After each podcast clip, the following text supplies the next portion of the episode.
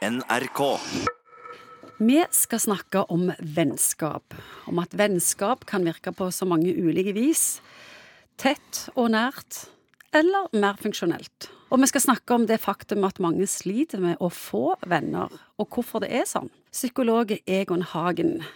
Et nært vennskap, hva er det? Hvordan definerer vi det? Ja, Et nært vennskap det er livets gull, vil jeg si. Det er ikke en selvfølge. så Det er vel en følelse av at det er en gjensidighet i det. Utfordre, at du kan støtte, at du har liksom en miks av de, de tingene der. Og så kanskje For min egen del så vil jeg tenke at det er en person som jeg, jeg stoler på, og så vet jeg at vedkommende vil meg vel på ordentlig. Og Det er en enormt herlig følelse å ha det sånn. Må en ha venner? Er det noe vi trenger? Jeg tror vi trenger det.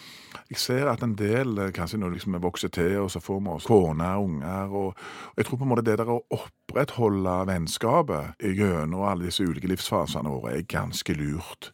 Fordi at eh, familie de må forholde seg til deg nesten uansett. Kollegaer må også forholde seg til deg nesten uansett, for det er noen rammer rundt dette. Men venner er sånn sett en veldig god sånn lakmustest på hvordan fungerer du egentlig. For venner trenger ikke å være der. Venner må behandles litt mer nennsomt. Det er ingen selvfølge å ha venner, for det forutsetter denne gi og ta-relasjonen. At vi investerer i hverandre og bruker tid på hverandre. Så Sånn sett så syns jeg at eh, det å ha venner er en indikator på at det er ikke så verst, dette. Du har ikke tedd deg helt idiotisk. Men så er det jo mange tusen nordmenn som ikke har venner. Og jeg vet mange ektemenn og koner som ikke har en nære bestevenn. Ja, jeg så en oversikt en gang om at en gjennomsnittsnordmann har 0,5 nære venner. Og Det illustrerer vel at det er ingen selvfølge å ha venner. Så sier du samtidig at vi trenger det? Jeg, jeg tror vi trenger det, og det er fort gjort å glemme det og neglisjere det med vennskap, for du kan bli opptatt av jobb og kolleger og familie. Så har jo det greiene som jeg har snakket om mange ganger før. Dette, jeg, jeg, tror jo veldig på det der med oss eh, gutter. Det der handlingsfellesskapet, det å gjøre ting sammen, enten det å kjøre motorsykkel eller jakte eller fiske, eller, eller ha folk som du reiser med. Det tror jeg er en god måte å sikre at du faktisk treffes. At handlingen blir en sånn en kontinuitetsbærer i relasjonen. Som jeg investerer i det. Jeg er opptatt av at vi skal gjøre ting sammen og alt dette. Så dette er en oppfordring til ikke glemmer det.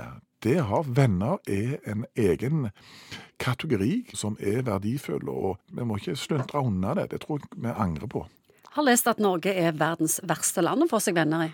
Ja, for det er jo så jævlig kaldt, så folk er jo bare inne. Altså, det, Du ser jo bare Jeg bor midt i byen i Stavanger, og når det er liksom syv-åtte grader som på midtsommer, så klart da er det ikke folk ute. Da sitter vi inne og ser Netflix. Sitter inne og ser Netflix. Og så eksploderer jo Norge altså hvis det er en fin uke i juli. Nå er det mange som hører på oss, som ikke har venner. La meg spørre, hvis du ikke har venner, og ikke får venner, hvordan skal du tenke? Da vil jeg tenke at jeg, jeg ønsker å få meg venner. Det er det første. Da vil jeg, Har du noen aktiviteter, noe du er interessert i? Liker du å gå i fjellet? Så meld deg inn i Benytt disse påkjøringsrampene som finnes. Altså interesser gjerne er ganske fornuftige ting. Er du god å trene, så prøv å gjøre noe som du ikke bare gjør alene. Det er det ene, det er det praktiske. Så er det det der at du må på en måte det der med viktige med å tørre å dele. Mange tror at det, den beste forutsetningen for å få venner er å fortelle hvor jævlig god du er. Drit i det men mer det å tørre å gi og bidra inn i en relasjon, tror jeg er noe av det aller viktigste. At du forteller litt, at du deler litt hva du holder på med og tenker på. Og, og driten òg. Ja, og driten òg. Spesielt med mannfolk er jo kanskje litt da. Dere damer har mer naturlig anlegg for å få det til. Så vi mannfolk må minne oss på det der at det er lurt oss ikke bare å vise hvor tøff og sterk du er, men snakk om noen av de tingene òg som er ikke er helt like lett. Hvis det er noen som lytter nå og opplever at de har forsøkt å få seg venner et helt liv og ikke får det, hva spørsmål må de stille seg sjøl? Ja, da må jeg vel tatt utgangspunkt i okay, hvordan er jeg hvordan er jeg i forhold til dette.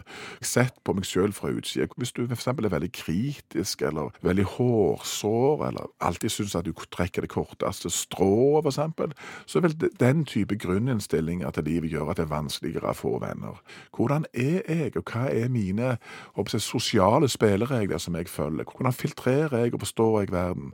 For det, det, kan du gjøre noe med. Du kan ikke gjøre noe med de andre. Og hvis du er veldig hårsår og veldig kritisk til andre, så vil folk trekke seg unna. Det orker de bare rett og slett ikke. Hvis du har fulgt noen regler som har ført deg fram til ensomheten, så vil jeg ha kikk litt på den regelen. For det kan godt være at det er noe feil med den. NRK.